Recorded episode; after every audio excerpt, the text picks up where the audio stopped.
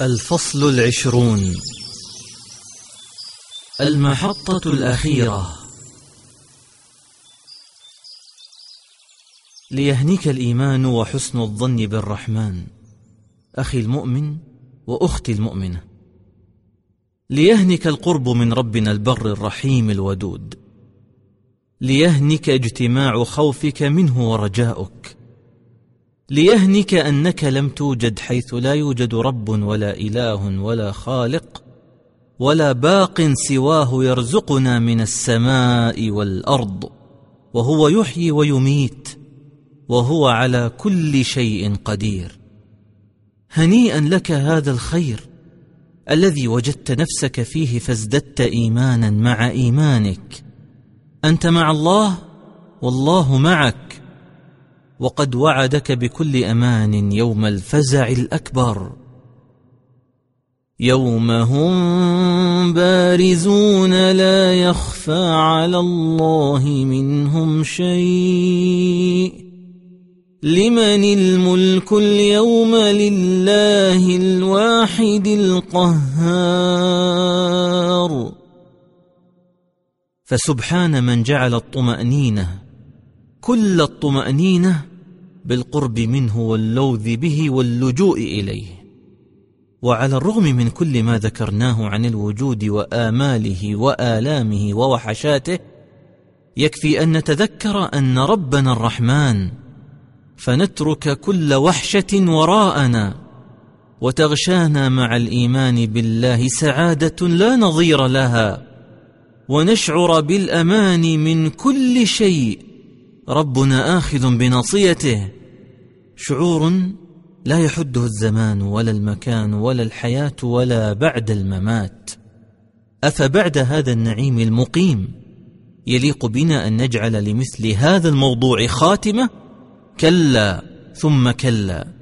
نحن لا نزال في أول الطريق القدري الطويل مستمتعين بنور ربنا وهدايته من كتاب إلى كتاب ومن عبادة إلى عبادة. ومن جيل إلى جيل حتى النهاية. وما زلنا ننتظر مآلات هذا الوجود الحميدة التي وعدنا بها ربنا. فمنذ أن خلقت هذه الروح في الجسد وهي باقية تفارقه مؤقتا في الموتة الأولى في الدنيا التي لا موت بعدها أبدا إلى أن تعود الروح إلى الجسد يوم البعث. فيستقر الإنسان بروحه وجسده في أحدهما. إما دار القرار أو دار البوار يوم القيامة. هناك ستكون الخاتمة الحقيقية فقط لإحداث الوجود والقيامة من بعده وبداية حياة أبدية لا شقاء فيها ولا نكد ولا غل ولا حسد لمن آمن بالله الواحد الأحد الذي لم يلد ولم يولد. ولم يكن له كفوا أحد. فلا يتوقف الأمر عند خاتمة كتاب ولا نهاية محاضرة أو حتى نهاية الحياة. إنه نفق قدري هائل أوجدنا فيه الخالق العظيم. تحدنا من جوانبه تصوراتنا وعلمنا المحدود عن هذا الوجود. نسير فيما سنحاسب عليه أو نسير فيما لا حساب عليه في اتجاه واحد حتمي حتى نهايته عند الخالق عز وجل. قل إن الأولين والآخرين لمجموعون إلى ميقات يوم معلوم.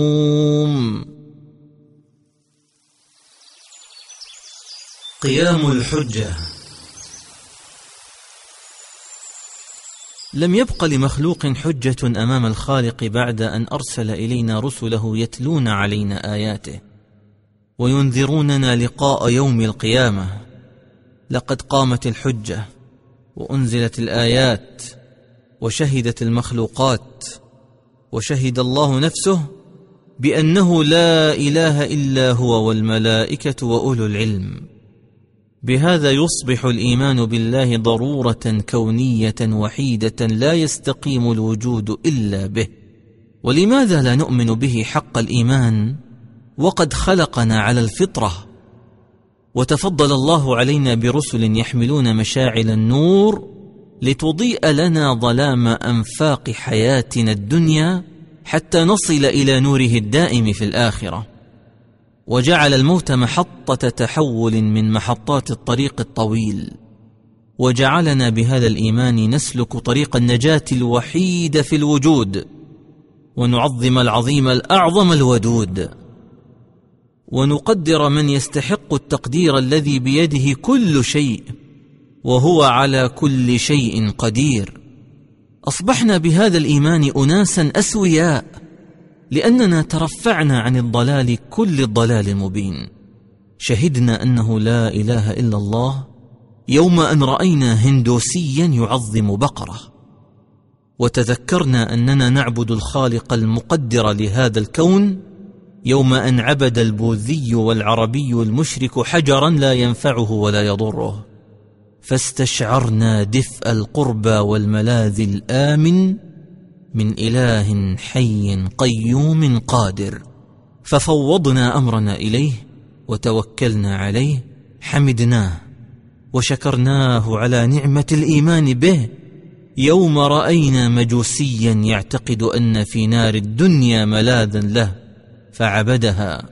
ويوم أن زعم الملحد أنه لا وجود لله فبقي حيران لا يدري عن ماض ولا يستمتع بحاضر.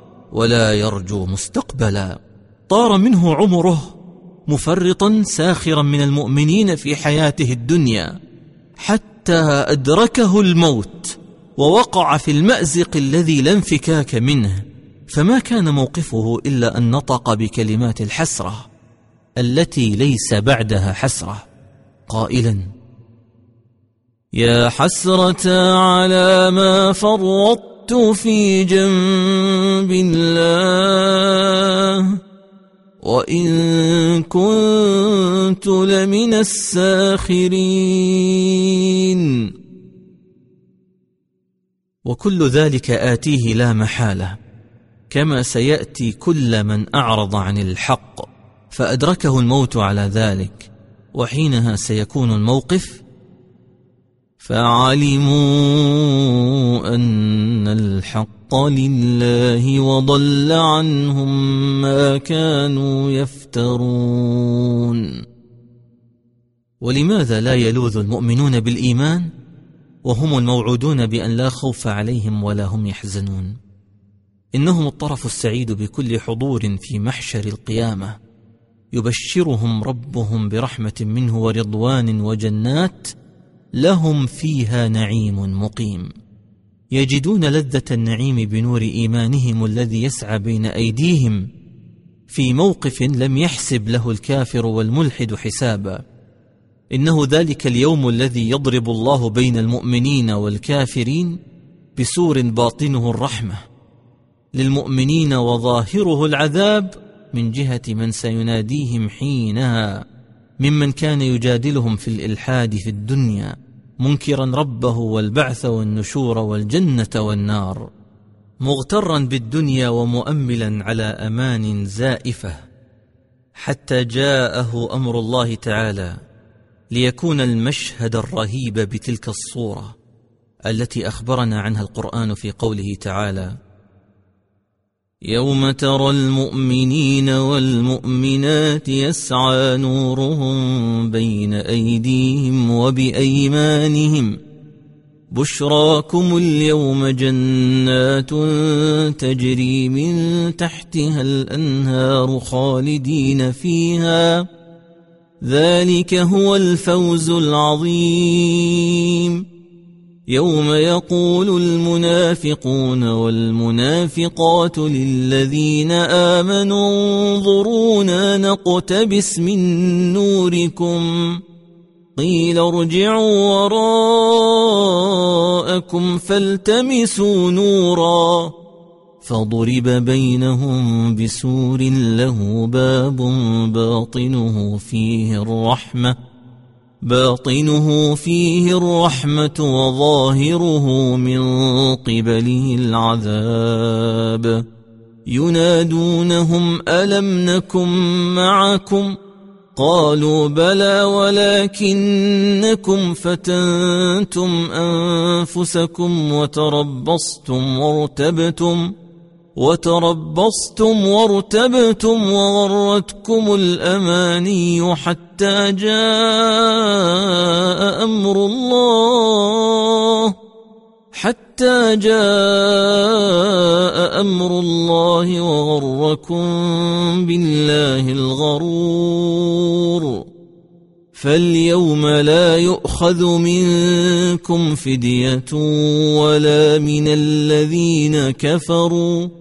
مأواكم النار هي مولاكم وبئس المصير.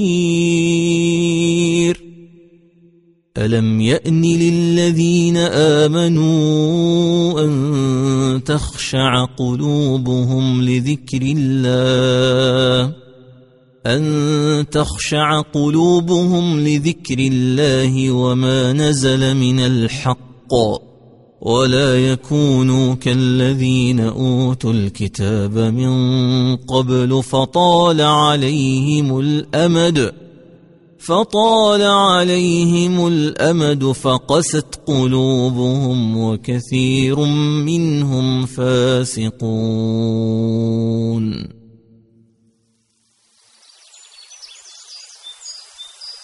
أما آن للقلوب أن تخشع. بلى والله لقد آن كل أوان لأن تخشع قلوبنا لذكر الله. وما نزل من الحق فقد اقترب حسابنا. وعلينا أن نحذر كل الحذر من هذه الغفلة المهلكة. فقد اقترب للناس حسابهم وهم في غفلة معرضون. فما الذي يحول بين المعرضين وبين أن يتركوا كل شيء يحول بينهم وبين الاقتراب من الله اعتقادا وقولا وعملا ويتوجهون إليه وحده لا شريك له مؤمنين به ومتوكلين عليه كي يكفيهم أمر كل شيء في وجودهم في الدنيا والآخرة ويحفظهم من أمامهم ومن خلفهم وعن أيمانهم وعن شمائلهم ومن فوقهم ومن تحتهم. تذكروا ذلك الدعاء النبوي المأثور الذي لم يكن نطقا عن هوى. يقول صلى الله عليه وسلم اللهم احفظني من بين يدي ومن خلفي وعن يميني وعن شمالي ومن فوقي وأعوذ بعظمتك أن أغتال من تحتي. الحديث رواه ابن عمر قال لم يكن رسول الله صلى الله عليه وعلى آله وسلم يدع هؤلاء الدعوات حين يمسي وحين يصبح. اللهم إني أسألك العافية في الدنيا والآخرة. اللهم إني أسألك العفو والعافية في ديني ودنياي وأهلي ومالي. اللهم استر عوراتي وفي رواية عورتي وآمن روعاتي. اللهم احفظني من بين يدي ومن خلفي وعن يميني وعن شمالي ومن فوقي وأعوذ بعظمتك أن أغتال من تحتي. أخرجه أبو داود. الجزء الخامس صفحة 198 برقم خمسة آلاف وأربعة وسبعين وصححه الألباني. أليس هذا هو الضمان الكوني لسلامتك من جميع الجهات المحيطة بك؟ الضمان الذي لا ضمان قبله ولا بعده؟ كم من مرة أشار القرآن إلى أولئك الذين كانوا من قبلنا وكانوا أشد منا قوة وآثارا في الأرض وعمروها أكثر مما عمرناها في وقتهم وأمرنا أن نأخذ العبرة في تدبر ما حدث لهم كي لا نكرر إعراضهم وصدودهم فنهلك كما هلكوا. لقد تتبعنا بعض آثار الأولين والمعاصرين من فلاسفة وحكماء حول الوجود ومن أوجده ممن حاولوا الاستغناء عن الله فلم يفلحوا. ولاحظنا صفاء ونقاء وبقاء خطاب الأنبياء ورسوخه مدى الدهر لأنه يراعي التوازن الضروري بين المحسوسات والمعقولات والغيبيات وأنه الشفاء للكثير من غوامض الوجود الغيبية التي لا تعرف إلا من خلاله. لم نجد وسيلة لفهم أسرار وجودنا ومآلاته سوى هذا الوحي المنزل من الخالق العليم وقفنا على شواهد من إعجاز الوحي وتنزله في الجدال مع المخالف طمعا في هدايته ولمسنا تفضل القوي الغني بالتنزل للفقير الضعيف وأنه غاية الكرم والشفقة عليه وأشرق علينا نور حضارة الوحي في المعاملات والموازنة بين الخوف والرجاء وتغليب جانب الرجاء وعلمنا منه مقام المعبود القوي الباقي أمام ضعف العابد الفاني. ورأينا الموت قد قدره الله علينا يخطفنا ولا يترك منا أحدا. وأدركنا عجز الإنسان أمامه مؤمنا كان أم كافرا. وأن الإنسان هامشي في الوجود لا يكاد يذكر زمانا ومكانا بالنسبة إلى غيره من المخلوقات الكبرى. فكيف بمقام الخالق الأكبر من كل شيء سبحانه؟ وعلمنا طرفا من الجوانب الموحشة في وجودنا مع ضعف الإيمان والملاذات الآمنة منها معه ووجدنا الدفء والأمان في الفرار من الله إلى الله تعالى فقط. وعلمنا أنه يجب علينا العلم اولا بالإيمان القلبي ثم العمل ثانيا بالعبادات الفعلية. فماذا نريد بعد ذلك؟ وماذا بقي من وسائل البلاغ والدعوة إلى الحق؟ فمتى نستجيب لنداء ربنا وتخشع قلوبنا لذكره وما أنزله وما من الحق, أنزله من الحق؟ فتوكل على الله إنك على الحق المبين. هذه الآية العظيمة. تم اختيارها عنوانا لهذا الكتاب لأنها النتيجة المنشودة من كل ما تم عرضه وبيانه. إنها تضخ في الوجود طمأنينة واملا وامانا. إنها كلام الله المطمئن لسيد المؤمنين. كي يقتدي به عباد الله المشفقون الخائفون ليقول له ولهم فتوكل على الله إنك على الحق المبين. لقد توكل على الله وكان على الحق المبين. وأنت أخي القارئ وأنت أختي القارئة. اقتدي بالرسول صلى الله عليه وسلم وتوكل على الله فإنك أيضا مثله على الحق المبين فضلا من الله ونعمة. إن هذه الهداية لسبيل الله المستقيم من أعظم الدوافع إلى التوكل عليه حق توكله.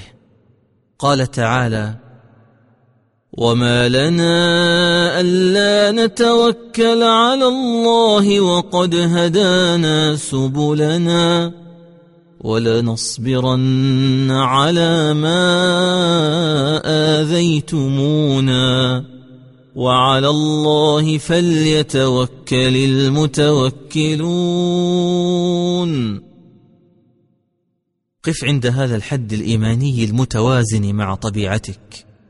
واثبت عليه حتى تلقى الله. وانتظر تأويل ما لم تعلمه في الدنيا. يوم يأتي تأويل كل شيء في الآخرة. لا تطمع في كشف عوالم الغيب. فقد تبين لك أنه لا حدود للوجود ولا إحاطة بشرية به. وها نحن معك في هذه الرحلة الفكرية على الرغم من طول المسير والجهد الكبير وإيراد الشواهد والبراهين وإشراك العقول والأحاسيس والتراث والتاريخ والزمان والمكان والوجود لا نزال عاجزين أمام أمور كبرى لم يأذن خالق الوجود بتجليتها في الدنيا. استمع إلى الرد الرباني على المصطفى صلى الله عليه وسلم عن سؤال غيبي واحد مما لم يأذن الله بإطلاعه على أحد مستحضرين مقامنا أمام مقام نبينا العظيم ومقامه أمام أمر الله الأعظم الذي اختصه لنفسه سبحانه.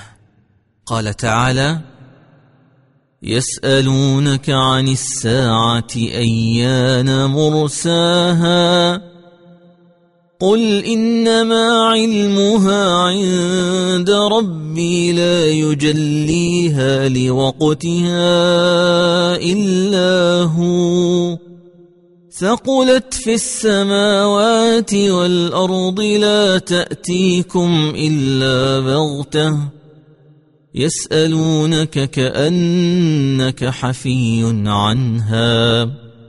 قل إنما علمها عند الله ولكن أكثر الناس لا يعلمون.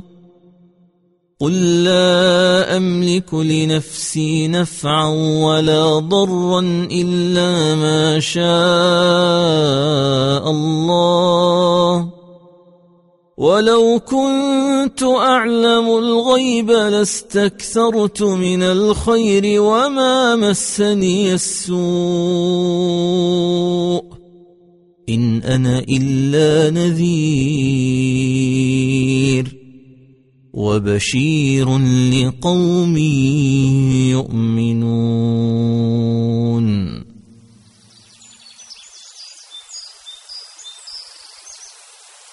أفعال العبادة. الصلاة والصوم والحج. إننا نؤمن أن كل شيء قد خلقه الله بقدر وأنه غني عن العالمين. وكل شيء عنده في كتاب مبين.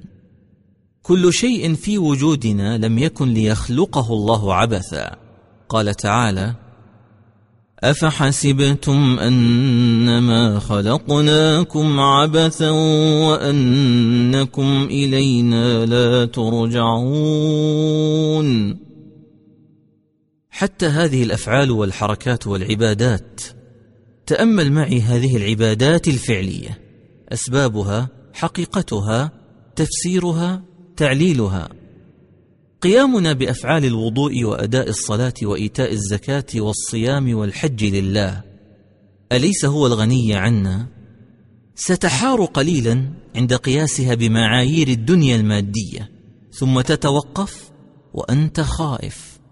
ولكنك تلاحظ وبقوة أيضا أنه كلما فترت همتك قليلا عن هذه العبادة تدخلت قوى خفية لتدفعك نحو مواصلتها دون أن تنتظر تبريرا لها. إنك تستمع للحوار مع عقلك ولكنك لا تستسلم له لسطوة تلك القوة الخفية وسيطرتها على الموقف. فإذا فتح الله عليك بعد هذا التأمل أدركت أن هذه القوة هي متانة الفطرة التي تقول لك عليك أن تسمو بنفسك فوق العلل والماديات الدنيوية. فإنك عندما تصلي فأنت اولا تطيع الخالق الذي أمرك وهذا بحد ذاته هدف عظيم بل عظيم جدا وكفى به هدفا وتبريرا لأفعال الصلاة كلها. وثانيا أنت تقدم شيئا يسيرا مما يجب فعله تعظيما وشكرا لهذا العظيم المنعم ابتداء قبل أن يكون هناك جزاء وحساب. لأنك مدين كل الدين لمن هذا فضله عليك وهو الغني عنك كل الغنى أوجدك ورعاك. ولهذا لا تستكثر ابدا أن تقف بين يديه يوميا خمس مرات منتصب القامة مطأطئ الرأس حياء لتقول له في افتتاح كل ركعة الحمد لله رب العالمين. ثم تنحني لله راكعا معظما وتقول في ركوعك سبحان ربي العظيم. وتخر له ساجدا حتى تلصق في الأرض جميع جوارحك السبعة. وتتذكر علوه فتقول سبحان ربي الأعلى. وتسأله مما تشاء مستحضرا فقرك وحاجتك إليه. وكذلك تصوم صوما لا يمكن أن تخرقه سرا ولا علانية. وأنت تستطيع ذلك في أي لحظة خلوة بعيدا عن الناس لكنك لم تفعل. هناك قوة خفية أيضا تمنعك من ذلك. وكذا الحال مع الحج وشعائره. إنك تؤدي هذه العبادات وأنت تستمتع بلذة الاستسلام المطلق لمن أوجدك. والوجود الذي تعيش فيه. وسخر لك كل شيء يقيم حياتك. وهذا أسمى ما يمكن أن يقبله العقل المتوازن. فأنت تقدر من أوجدك. وكتب عليك الموت والحياة لتصبح جميع هذه الشعائر الموجهة إليه حقا يجب أداؤه. وتصرفا منطقيا يرتاح له العقل. إنه مدخل القسط والعدل الذي يجب أن ينشرح له القلب انشراحا خاصا جدا. وأن لا يبالي العاقل وهو يؤديها برأي أي مخلوق لا يوافقه على ذلك حتى لو خالفه أهل الأرض وسخروا منه واستهزأوا جميعا. وحتى العصاة الذين يتهاونون بهذه العبادات الفعلية هم أيضا تحت هيمنة قوى داخلية جبارة تعصف بهم في معارك سرية طاحنة بين نفوسهم اللوامة التي تريد لهم الخير ونفوسهم الأمارة بالسوء يخجلون من معاصيهم ويستخفون لارتكابها بعيدا عن أعين الناس. فيا ترى ما السر وراء هذه الدوافع القوية وما مصدرها ومحفزاتها؟ إننا أمام نظام فطري يهيمن علينا دون أن نراه. إنها فطرة الله المتوازنة مع عبودية المرء لله طوعا أو كراهية. فطرة الله التي فطر الناس عليها. هكذا يجب أن يكون المدخل الصحيح إلى الإيمان الصحيح المتدفق من داخل القلب الذي سيجعلك تحيا سعيدا وتموت سعيدا وتبعث سعيدا أنت وآباؤك من قبل وذريتك من بعد. مستمتعين بضمان الله لكم بالأمن في كل مراحل تنقلاتكم في الدنيا. وهذا هو الحق المبين. إيمان لا كلفة فيه بربنا الرحمن الرحيم الذي بعث لنا الأنبياء ميسرين وغير معسرين. لم يأمرنا أن نكون ملائكيين في إيماننا أبدا ولا حتى في عباداتنا وأفعالنا. وكيف يأمرنا بذلك؟ ونحن من ولد آدم الأول الذي قال الله عنه ولقد عهدنا إلى آدم من قبل فنسي فنسي ولم نجد له عزما. ولكنه برحمته وفضله يذكرنا بالسعي الحثيث لمزيد من الايمان واليقين حتى ياتينا اليقين. يخطئ من يعتقد ان وجوده في الدنيا وجود استرخاء وتسويف وعبث وينسى أنه مخلوق لله وفق إرادة الله تعالى كي يكون له عبدا مخلصا. ليس له خيار الحياد ابدا في هذا الوجود وخيار الإنسان ليس اختياريا بين خيرين بل هو بين خير محض متحقق لا محالة نأخذ به وإلا فالبديل شر محض واقع لا محالة. فأنت مأمور عند الاختلاف أن تكون منحازا للحق بكل وضوح وهو خيار الخير مستسلما لما لا طاقة لك به أنت ولا آباؤك ولا أجدادك منذ الأزل ولا أولادك وأحفادك إلى الأبد. مؤمنا بالله الذي هو أقدر منك ومن كل شيء وأقوى من كل شيء. من يحيط بعلمك ولا تحيط بعلمه. من يقدر عليك ولا تقدر عليه. من يدرك الأبصار ولا تدركه الأبصار. الله الذي قدر بيننا هذا الموت العجيب أعظم كاسر لكبريائنا وهادم لملذاتنا ومفرق لجماعاتنا الموت الذي يؤمن به البر والفاجر يرونه رأي العين يحصد أرواحهم حصدا فلا يبقي منهم أحدا ولا يذر لهم أثرا. معلنين عجزهم بالإجماع عن رده إذا حل بهم مستسلمين لمن قدره بمحض إرادته ومشيئته وأمره قائلا من مقام العلو والقدرة والجبروت والغنى. نحن قدرنا بينكم الموت وما نحن بمسبوقين. على أن نبدل أمثالكم وننشئكم فيما لا تعلمون.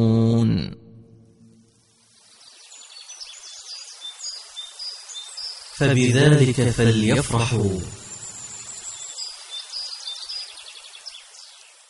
أرأيت كيف تذوقنا معا في هذه الرحلة الإيمانية طرفا من هذا الفرح والأنس واليقين؟ ونحن نتجول في صفحات الفكر والتاريخ والحضارات والأديان كيف تجولنا بحرية تامة. ونحن متحصنون بحمد الله بحصن الإيمان الفطري والثقة بالرحمن وهو بنا الرؤوف الرحيم. لقد كنا في نزهة مستأنسين نراقب المتغيرات عبر التاريخ بكل حرية لأننا لم نخرج عن مظلة الوحي ولو فعلنا لهلكنا كما هلك من كان قبلنا.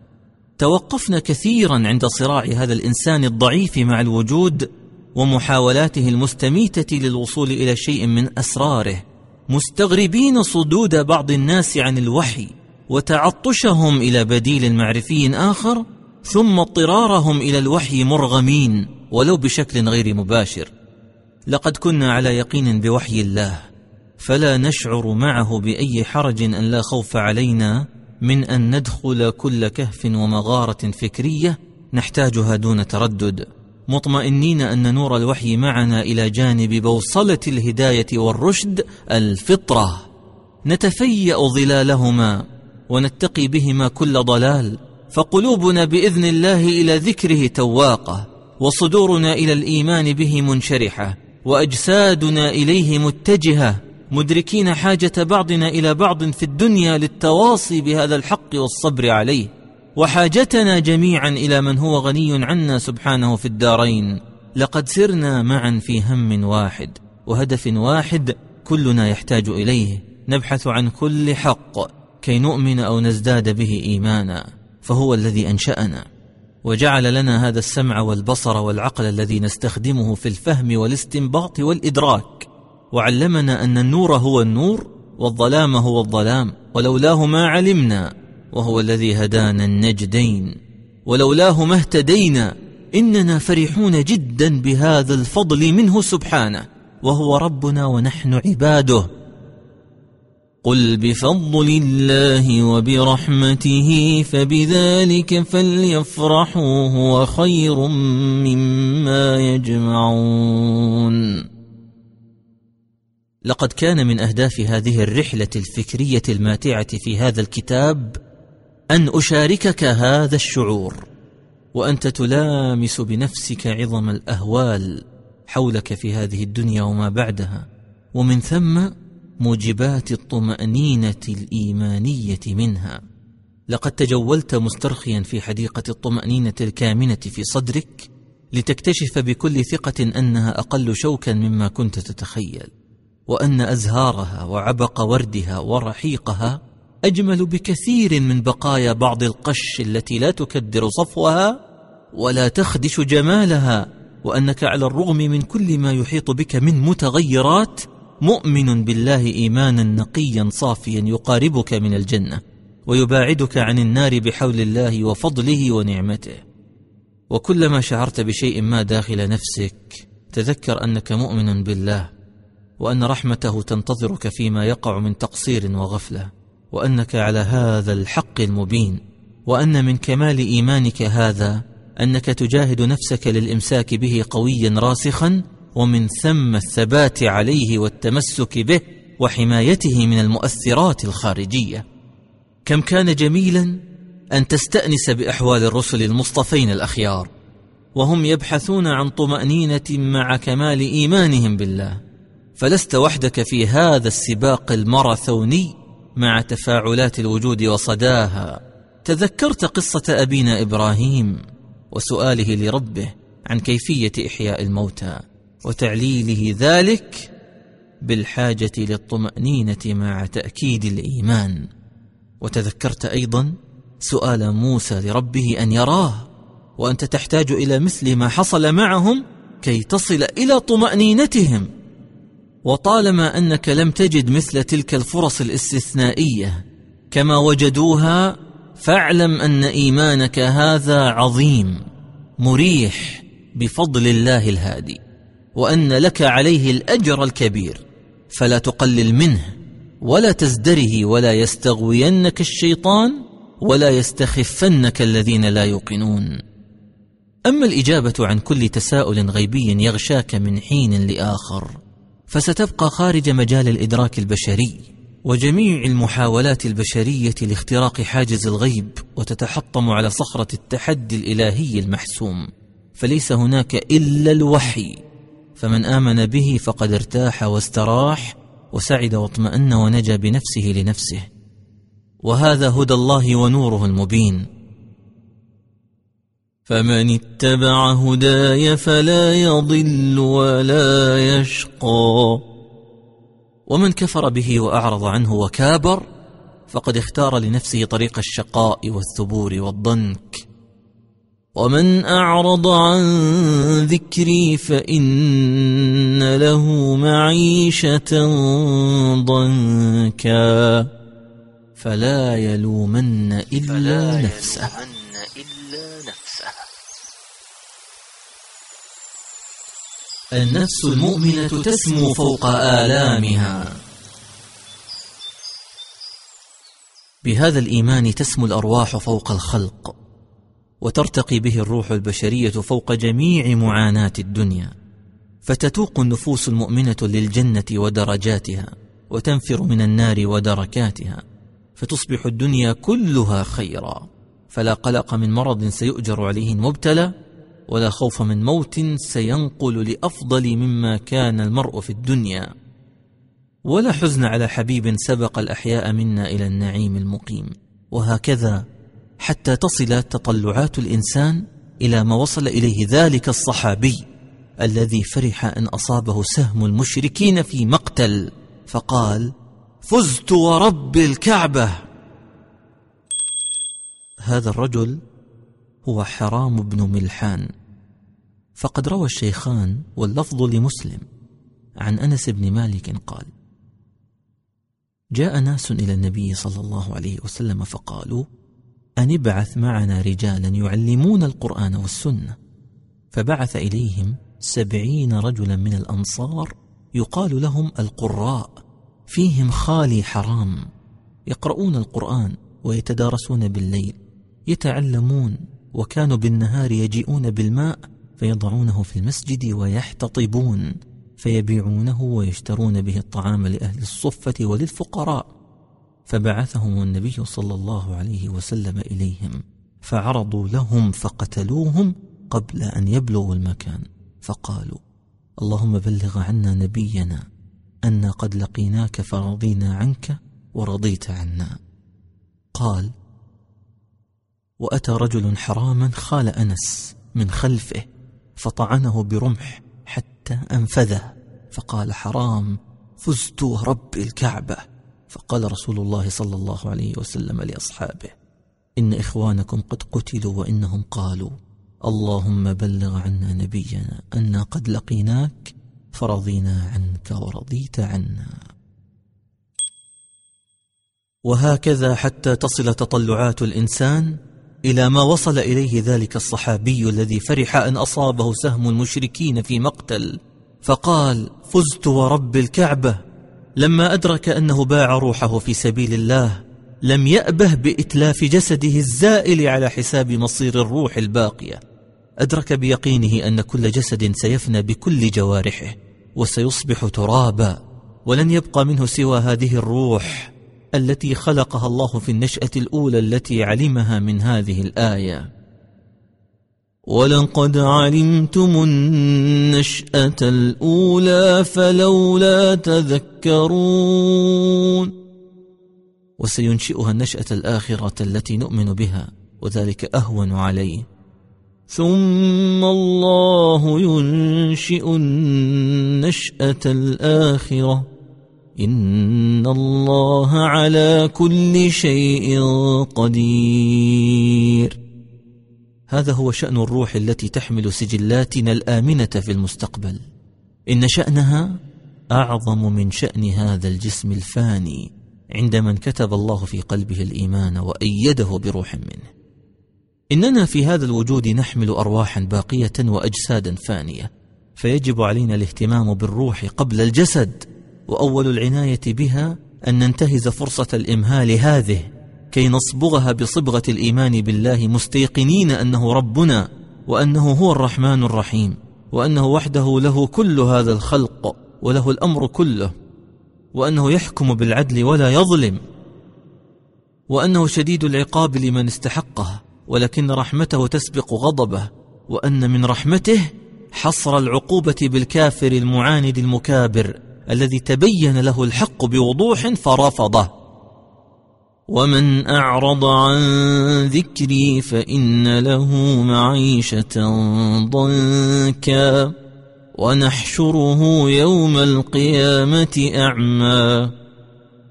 أما من لم تبلغه الرسالة أصلا فهو في أمان الله حتى تبلغه.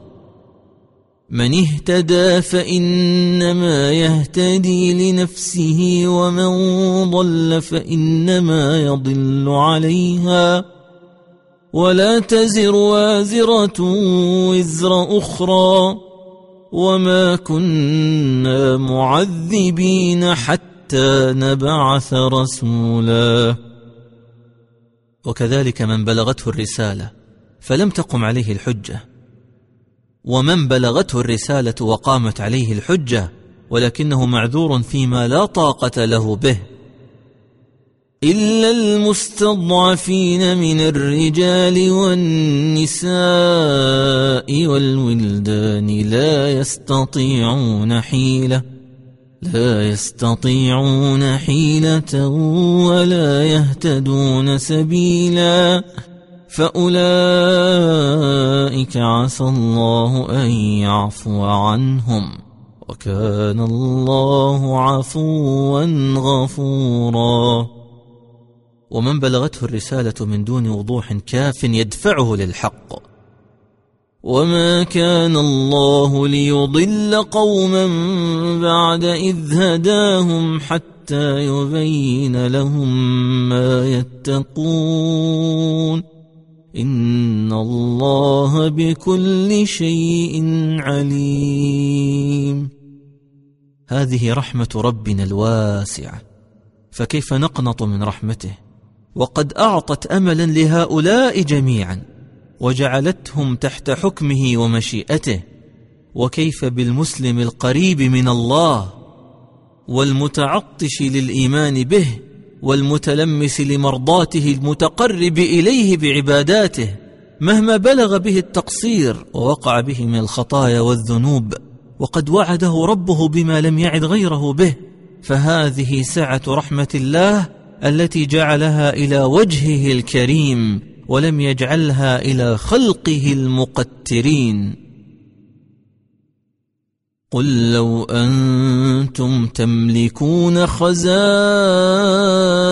رحمة ربي اذا لأمسكتم اذا لأمسكتم خشية الإنفاق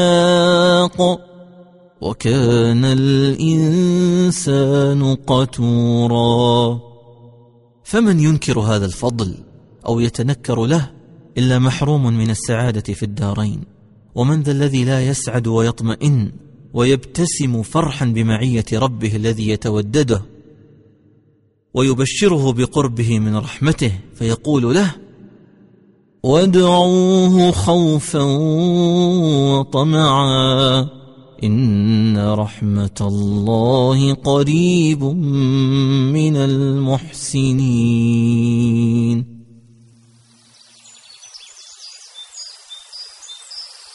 تتبع كتب الغيبيات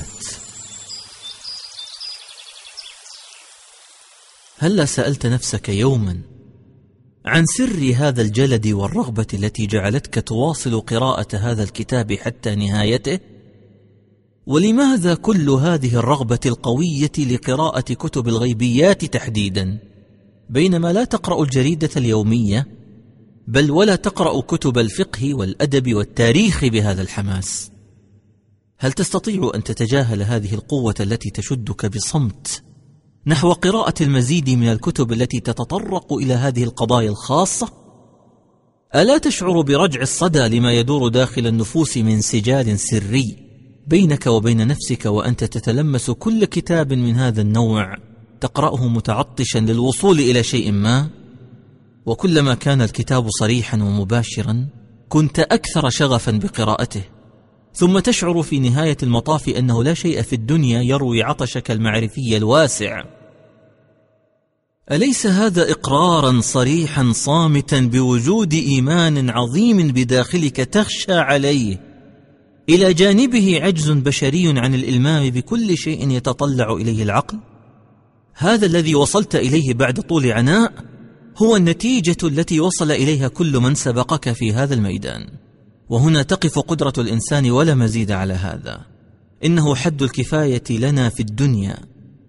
وبعده لا يبقى سوى قليل من هذا القلق الإيجابي الملازم لحياة الإنسان في الدنيا. وهو أمر محمود لا يمكن الخلاص منه إلا بعد دخول الجنة. وهو ما جعل إمامنا وقدوتنا رسول الله صلى الله عليه وسلم يعبر عنه بتكرار دعائه المأثور يا مقلب القلوب ثبت قلبي على دينك. عن أنس رضي الله عنه قال كان رسول الله صلى الله عليه وسلم يكثر أن يقول يا مقلب القلوب ثبت قلبي على دينك. صححه الألباني في صحيح الترمذي برقم 2140 يقول ذلك حتى وإن كان ينعم مع أمته بطمأنة الله لعباده المؤمنين. وضمانه لأمنهم وتثبيتهم على الحق في الدنيا والآخرة. قال تعالى يثبت الله الذين آمنوا بالقول الثابت في الحياة الدنيا وفي الآخرة ويضل الله الظالمين ويفعل الله ما يشاء.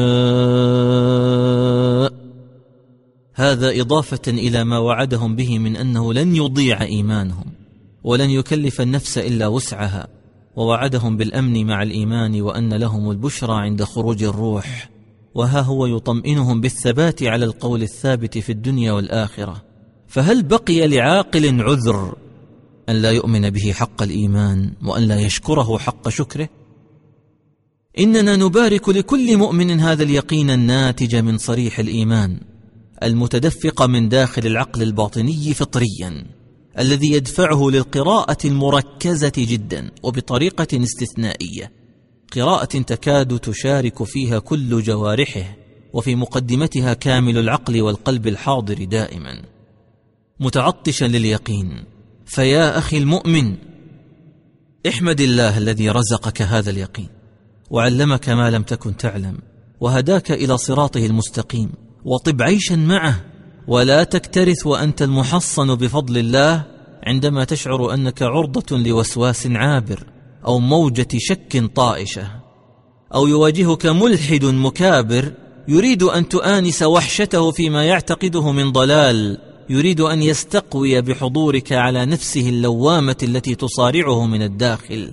فامض إلى سبيل الله ولا تتوقف عند محطات زائفة. تجاهلها وتجاوزها إلى ما بعدها كي تعلم أنك بخير وأمان بما تحمله من إيمان. تواصل به المسير الآمن إلى ربك.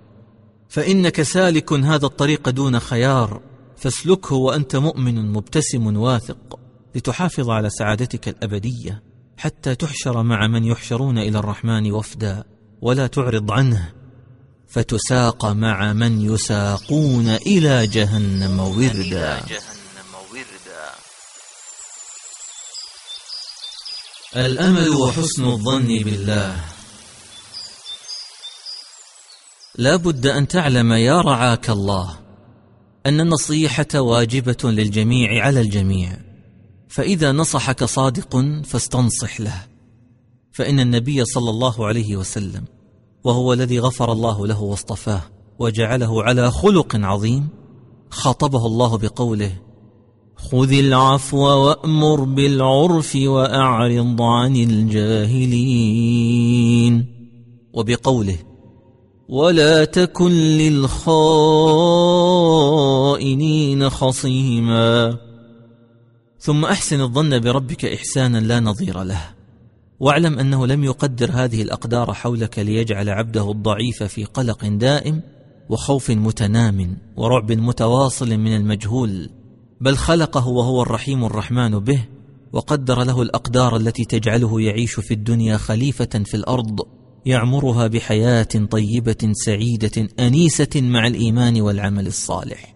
ومن أعظم مفاتيح هذه الرحمة وأسباب استجابة الدعوة أن تحسن الظن بربك بحيث تسأله موقنا بالعطاء حتى لو لم تلمسه في دنياك مباشرة وتدعوه موقنا بالإجابة لكي تصلك على أي شكل وفي أي وقت.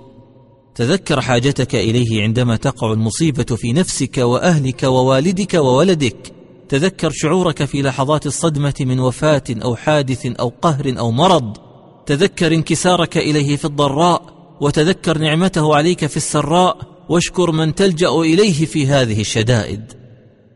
تخيل كيف سيكون الوجود مشرقا عندما تنظر إليه من خلال الآفاق المشرقة بنور الله وهديه ووحيه وتتخلص من تلك الصور السوداوية المزيفة التي قد تلوح من بعيد في خيالك عن ربك ودينك ورسولك والقرآن واليوم الآخر والجنة والنار والبعث والنشور والصراط والخير والشر.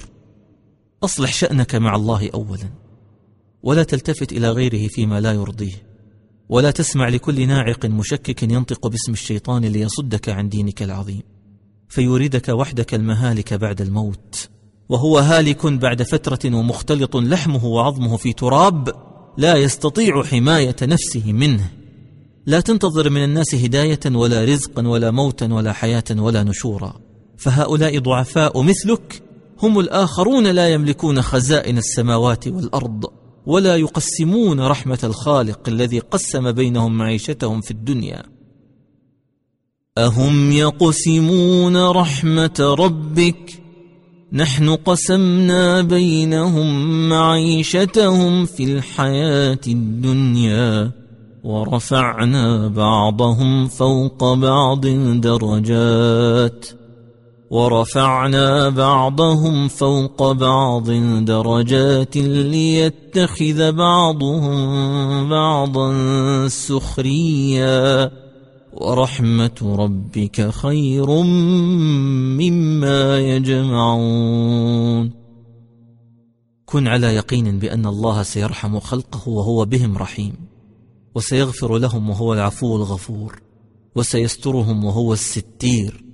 فإذا كان الله غنيا عن عباده في عباداتهم فهو عن عذابهم أشد غنى ما يفعل الله بعذابكم إن شكرتم وآمنتم وكان الله شاكرا عليما. والخير دائما فيما يختاره الله. لعل من إيجابيات هذا الشعور الذي تراه مقلقا لك أحيانا أنه يهذب النفوس ويكسر كبرياءها ويعالج غرورها. فكم من غافل عن هذا التحري الإيماني يعيش غرورا مهلكا بإيمان ظاهري.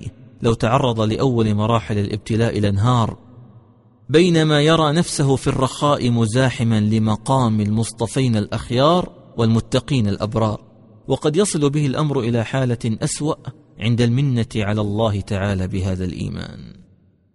يمنون عليك أن أسلموا قل لا تمنوا علي إسلامكم بل الله يمن عليكم أن هداكم للإيمان إن كنتم صادقين. وما يدرينا لعل الأمر كما وصفه ابن عطاء السكندري.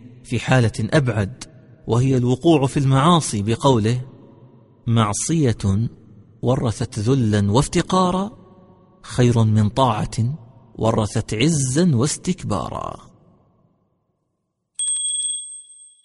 ابن عطاء السكندري متصوف من المدرسة الشاذلية توفي في القاهرة عام 1309 من الميلاد الموافق لعام 807 من الهجرة. كان على خلاف مع شيخ الإسلام ابن تيمية حول التصوف. انظر معجم الفلاسفة. طرابيشي صفحة 32 وسبحان الله لا تكاد تجد شيئا في هذا الوجود لا يشكل توازنا حسيا أو معنويا.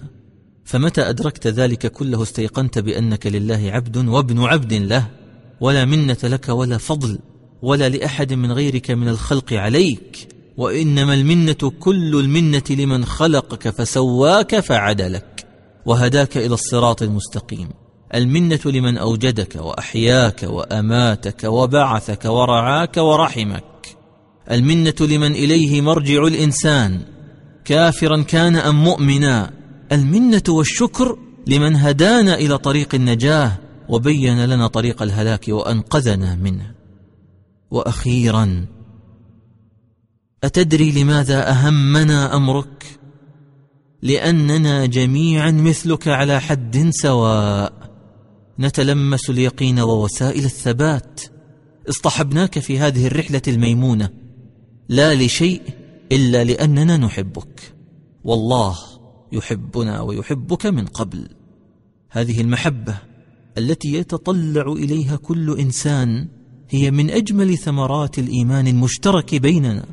إننا نطمع بالقرب من الله العظيم الذي يعرض علينا جنة عرضها السماوات والأرض. ومن أجمل أحوالها أن الجميع فيها إخوان على سرر متقابلين بعد أن نزع الله ما في صدورهم من غل وحسد. فحلت المحبة الصافية بينهم وهذه المحبة بيننا في الدنيا على الإيمان تشوقنا بلذتها إلى اللذة العظمى في تلك المحبة الباقية في الجنة وتدفعنا للاستجابة الفورية لهذا النداء القرآني وبمنتهى القبول والفرح المشترك كي ندخل فسطاط الحق والإيمان ونكون من أهل الله الذين يصطفيهم بعيدا عن إعراض المعرضين وردة المرتدين وإلحاد الملحدين.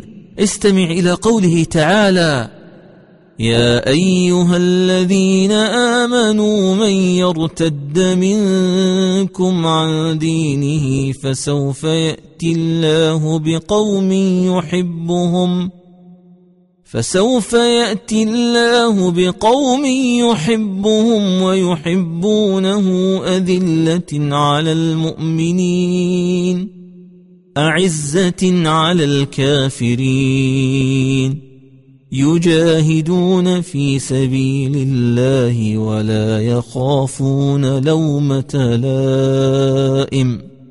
ذلك فضل الله يؤتيه من يشاء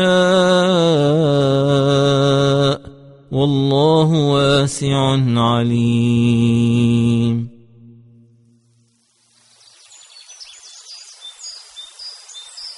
لا وداع. بل تواعد إلى اللقاء الدائم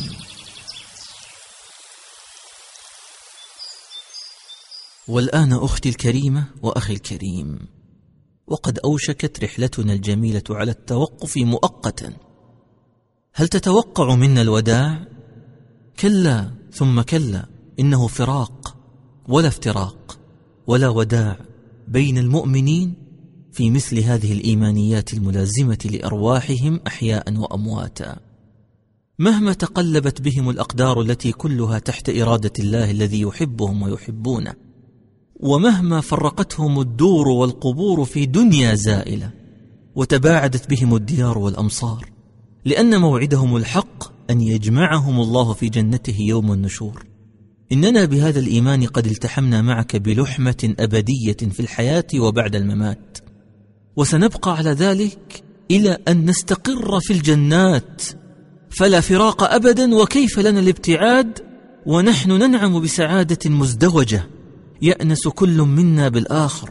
سنرتفع معا بهذا الإيمان عن معاناة الدنيا وفقرها ومرضها وآلامها وفراقها وموتها إلى آمال الدنيا والآخرة ونعيمهما وأنسهما وحياتها الباقية. وهل يحصل وداع أو فراق بين المؤمنين بالله المتحابين فيه وهم ضيوف في ملكه؟ أينما كانوا يحييهم ويميتهم ويسعهم برحمته ويكلأهم برعايته ويحفظ أجسادهم إلى آجالها وأرواحهم إلى الأبد منذ أن خلقهم وهداهم وهو معهم أينما كانوا إنه هو الذي يقول لنا ألم تر أن الله يعلم ما في السماوات وما في الأرض؟ ما يكون من نجوى ثلاثة إلا هو رابعهم ولا خمسة إلا هو سادسهم ولا أدنى من ذلك ولا أكثر إلا هو معهم أينما كانوا ثم ينبئهم بما عملوا يوم القيامة. إن الله بكل شيء عليم. فمن أسعد منا بهذه المعية العظيمة. فلنجتمع على هذا الإيمان حتى لا يفرقنا غير الكفر القبيح والشرك الظالم والإلحاد المزيف الذي منه نستعيذ بالله ويحذر بعضنا بعضا. وتلك آفات معلومة وعلاجها ميسر. لمن كان له قلب أو ألقى السمع وهو شهيد. فهل من مدكر؟ أرأيت كيف يذوب سواد المنغصات الكفرية في بياض طمأنينة الإيمان في الوجود كله؟ ومن يستبدل هذا بذلك لو كنا نسمع أو نعقل؟ سنتواصى على مواصلة المسير معا إلى أن نحط رحالنا في جنات ونهر في مقعد صدق عند مليك مقتدر. إنه الأنس والألفة واللحمة والموعد الحق والوعد بالنعيم المقيم. نحن على موعد مع الاجتماع الأعلى الذي لا مثيل لنوعية الحضور فيه والذي مفتاحه فقط طاعة الله ورسوله التي مبدأها الإيمان ومنتهاها العمل بإخلاص. ومن يطع الله والرسول فأولئك مع الذين أنعم الله عليهم فأولئك مع الذين أنعم الله عليهم من النبيين والصديقين والشهداء والصالحين وحسن أولئك رفيقا. فإلى ذلك اللقاء. نستودعك الله مؤقتا أيها الحبيب ولا نودعك لفراق أبدي. فنحن جميعا لله وإليه راجعون. نتواصى على هذا الإيمان حتى تصبح به نفوسنا مطمئنة وهي راجعة إلى ربها راضية مرضية وبه تدخل الجنة. عندما يناديها ربها ذلك النداء الكريم الذي يتمناه كل مخلوق ويا لسعادة من فاز به. يا أيتها النفس المطمئنة ارجعي إلى ربك راضية مرضية. فادخلي في عبادي وادخلي جنتي. اللهم يا ربنا ويا خالقنا ويا مولانا ويا سيدنا أنت تعلمنا وتسمعنا وترانا ولا يخفى عليك من أمرنا شيء. أدرك ضعفنا في هذا الوجود وفقرنا إليك.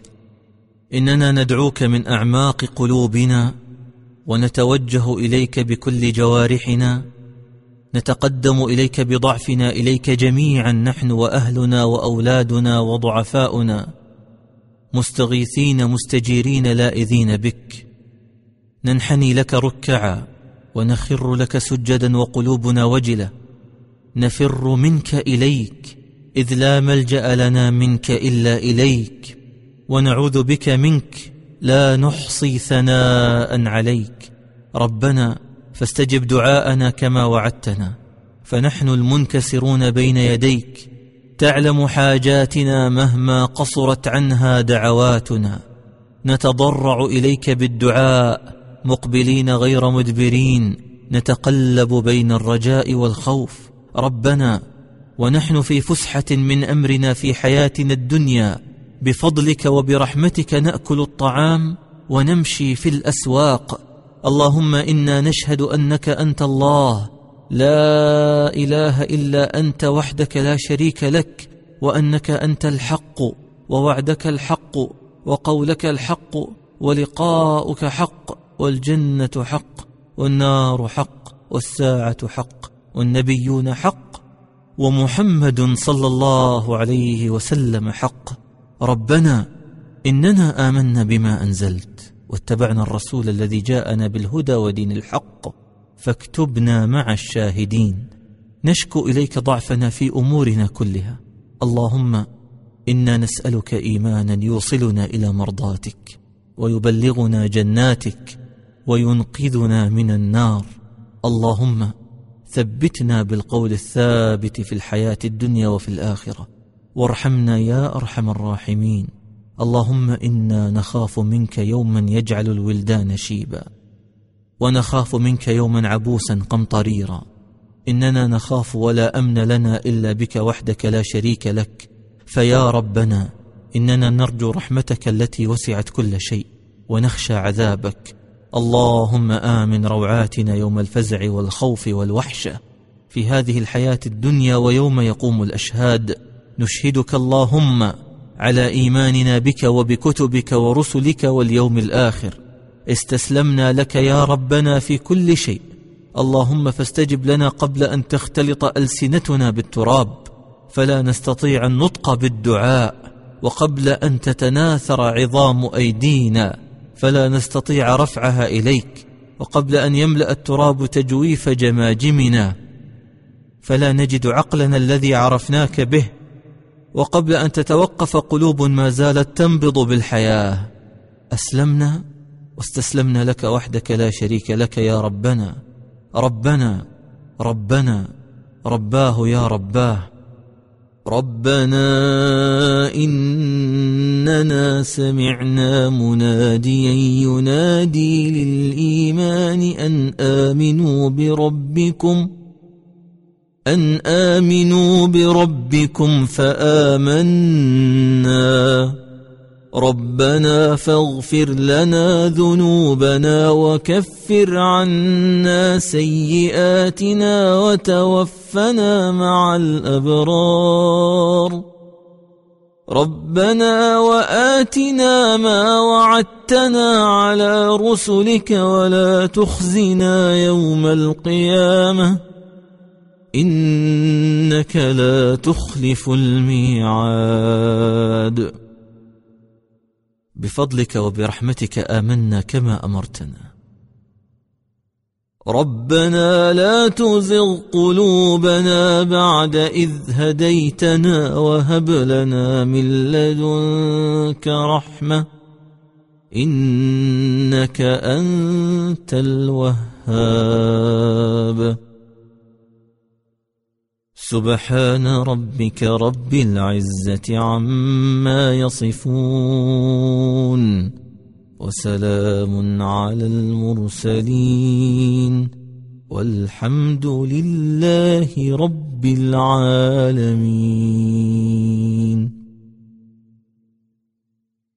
الخاتمة. أعوذ بالله من الشيطان الرجيم. قل الحمد لله وسلام على عباده الذين اصطفى. آه الله خير أما يشركون.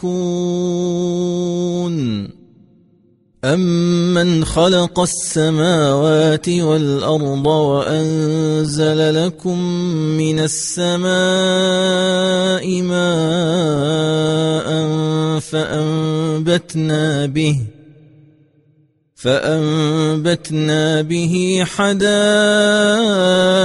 ذات بهجه فأنبتنا به حدائق ذات بهجة ما كان لكم أن تنبتوا شجرها. أإله مع الله؟ بل هم قوم يعدلون. أمن جعل الأرض قرارا وجعل خلالها أنهارا وجعل لها رواسي وجعل بين البحرين حاجزا أإله مع الله بل أكثرهم لا يعلمون أمن يجيب المضطر إذا دعاه ويكشف السوء ويكشف السوء ويجعلكم خلفاء الأرض أإله مع الله قليلا ما تذكرون أمن يهديكم في ظلمات البر والبحر ومن يرسل الرياح بشرا ومن يرسل الرياح بشرا بين يدي رحمته أإله مع الله تعالى الله عما يشركون. أمن يبدأ الخلق ثم يعيده ومن يرزقكم من السماء والأرض أإله مع الله قل هاتوا برهانكم إن كنتم صادقين قل لا يعلم من في السماوات والأرض الغيب إلا الله وما يشعرون أيان يبعثون بل ادارك علمهم في الآخرة بل هم في شك منها بل هم منها عمون. وقال الذين كفروا أإذا كنا ترابا وآباؤنا أئنا لمخرجون. لقد وعدنا هذا نحن وآباؤنا من قبل. إن هذا إلا أساطير الأولين. قل سيروا في الأرض فانظروا كيف كان عاقبة المجرمين. ولا تحزن عليهم ولا تكن في ضيق مما يمكرون. ويقولون متى هذا الوعد إن كنتم صادقين قل عسى أن يكون ردف لكم بعض الذي تستعجلون وإن ربك لذو فضل على الناس وإن ربك لذو فضل على الناس ولكن أكثرهم لا يشكرون وإن ربك ليعلم ما تكن صدورهم وما يعلنون وما من غائبة في السماء والأرض إلا في كتاب مبين إن هذا القرآن يقص على بني إسرائيل أكثر الذي هم فيه يختلفون وإنه لهدى ورحمة للمؤمنين. إن ربك يقضي بينهم بحكمه وهو العزيز العليم.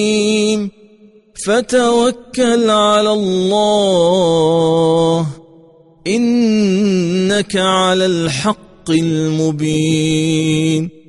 فتوكل على الله. إنك على الحق المبين. فتوكل على الله. إنك على الحق المبين.